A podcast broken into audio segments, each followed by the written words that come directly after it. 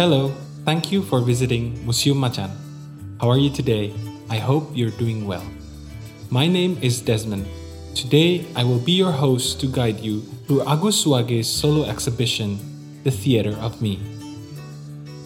Agus is an Indonesian artist. He was born in Purworejo in 1959, where he spent a significant part of his childhood drawing on the sidewalk in front of his parents' shop.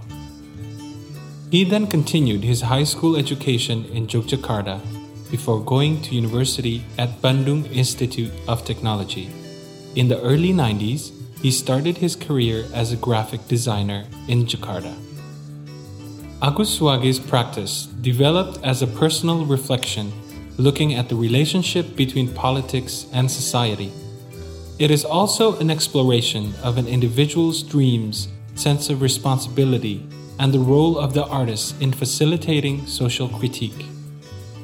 Therefore, the works of Agus Suwage depart from social and political themes of both the national and global context, as it unfolded throughout the 90s or around the Reformation era. Let's step inside and explore the theater of me.